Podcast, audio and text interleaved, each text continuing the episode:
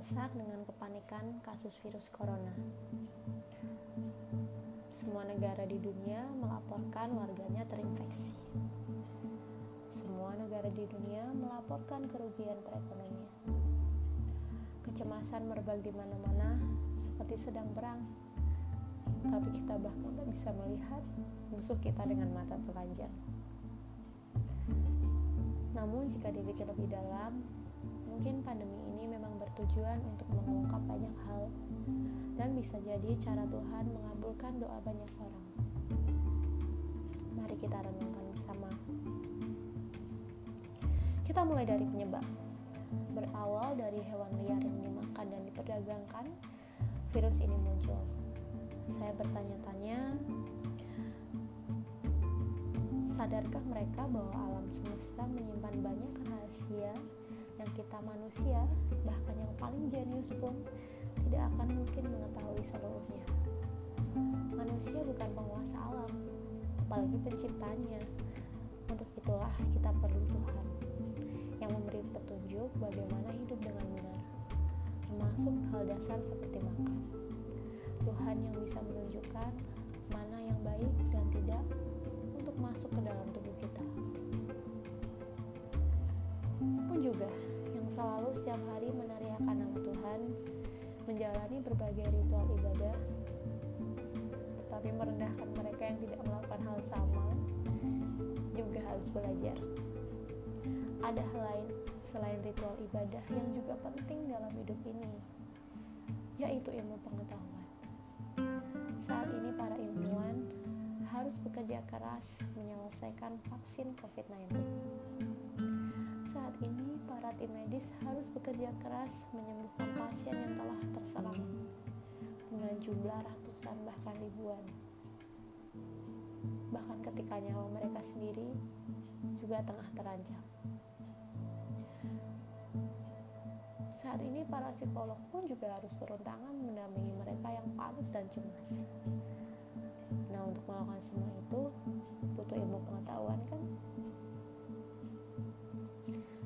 Lalu sudah jelas nampak mata. Alam tengah bernafas dengan berhentinya aktivitas manusia. Fakta ini memberi bantuan bagi para pecinta alam dan penggiat lingkungan yang mungkin sudah lelah bekerja sendiri, sudah lelah mengajak masyarakat karena tidak dipedulikan. Memperlihatkan dengan nyata bahwa selama ini manusia merasa memiliki segalanya, bukan? Membangun gedung terus-menerus, menyingkirkan tempat tinggal para hewan, mengepulkan asap setiap hari ke langit, membuang cairan beracun ke sungai dan lautan. Padahal lautan, sungai-sungai, para hewan, pepohonan, mereka juga memiliki hak atas bumi ini. Mereka tidak butuh uang kita, mereka hanya minta bisa tetap hidup. Sekarang manusia panik dan cemas melawan corona. Tapi alam tengah menikmati dunia yang lengang, memberi mereka ruang untuk bergerak. Sekarang manusia panik dan cemas melawan corona. Tapi lihatlah, alam dan makhluk selain manusia, mereka baik-baik saja. Anak-anak dirumahkan untuk belajar dengan orang tua. Mungkin ini jawaban doa para anak-anak yang bersedih karena orang tuanya tak punya banyak waktu untuknya. Bahkan mungkin sama sekali tak punya. Mungkin juga ini jawaban doa dari para guru yang menangis hatinya karena ada orang tua yang meremehkan kesusah payahannya mengajar anak-anaknya. Para dewasa kini bekerja dari rumah. Mungkin ini jawaban doa dari para orang tua yang rindu berkumpul dengan anak-anaknya yang sibuk mengejar cita-cita. Mungkin juga menjadi waktu istirahat bagi karyawan yang lelah dengan tuntutan atasan dan perusahaan yang tak ada habisnya. Mungkin ini jawaban doa para istri yang suaminya terus bekerja sampai tak punya waktu untuknya. Mungkin ini jawaban doa dari para suami yang istrinya juga sibuk mengejar karir sampai tak sempat menyenangkannya.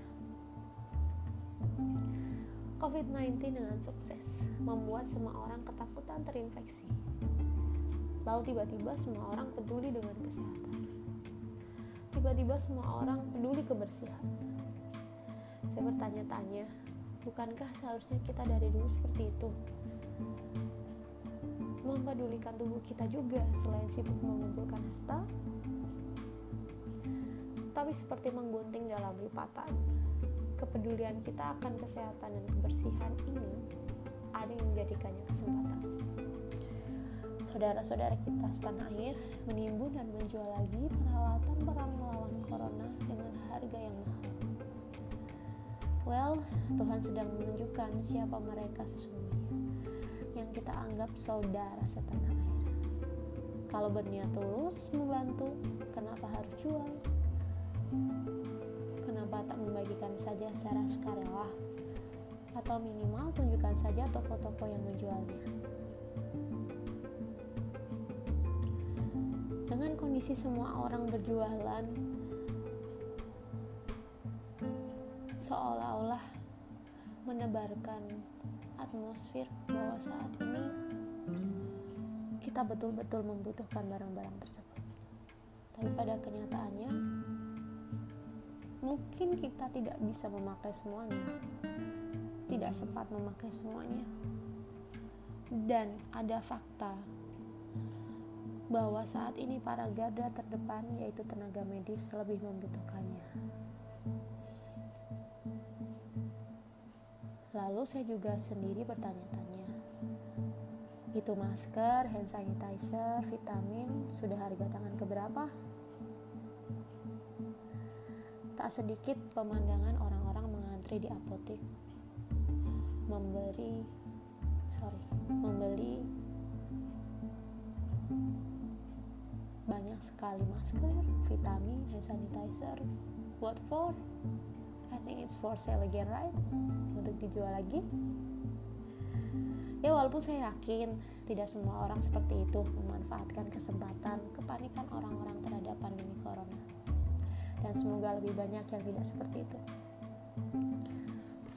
dan yang terakhir mungkin Tuhan sendiri sedang menegur kita semua untuk memberi lebih banyak waktu untuknya di tengah kesibukan kita mengejar dunia karena saat situasi sedang baik ataupun buruk hanya Tuhanlah tempat kita bergantung memang sudah seharusnya kita meminta maaf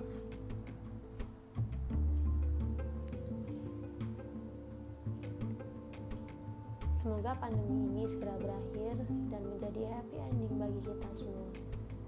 Dan setelahnya pun kita tetap dapat memetik pelajaran berharga dari peristiwa ini untuk memperbaiki diri. Kelak, jika tahun-tahun ke depan dunia ini masih ada, pandemi ini dapat menjadi kisah bagi generasi penerus bahwa kita pernah mengalami masa yang sulit, namun sebetulnya penuh pembelajaran.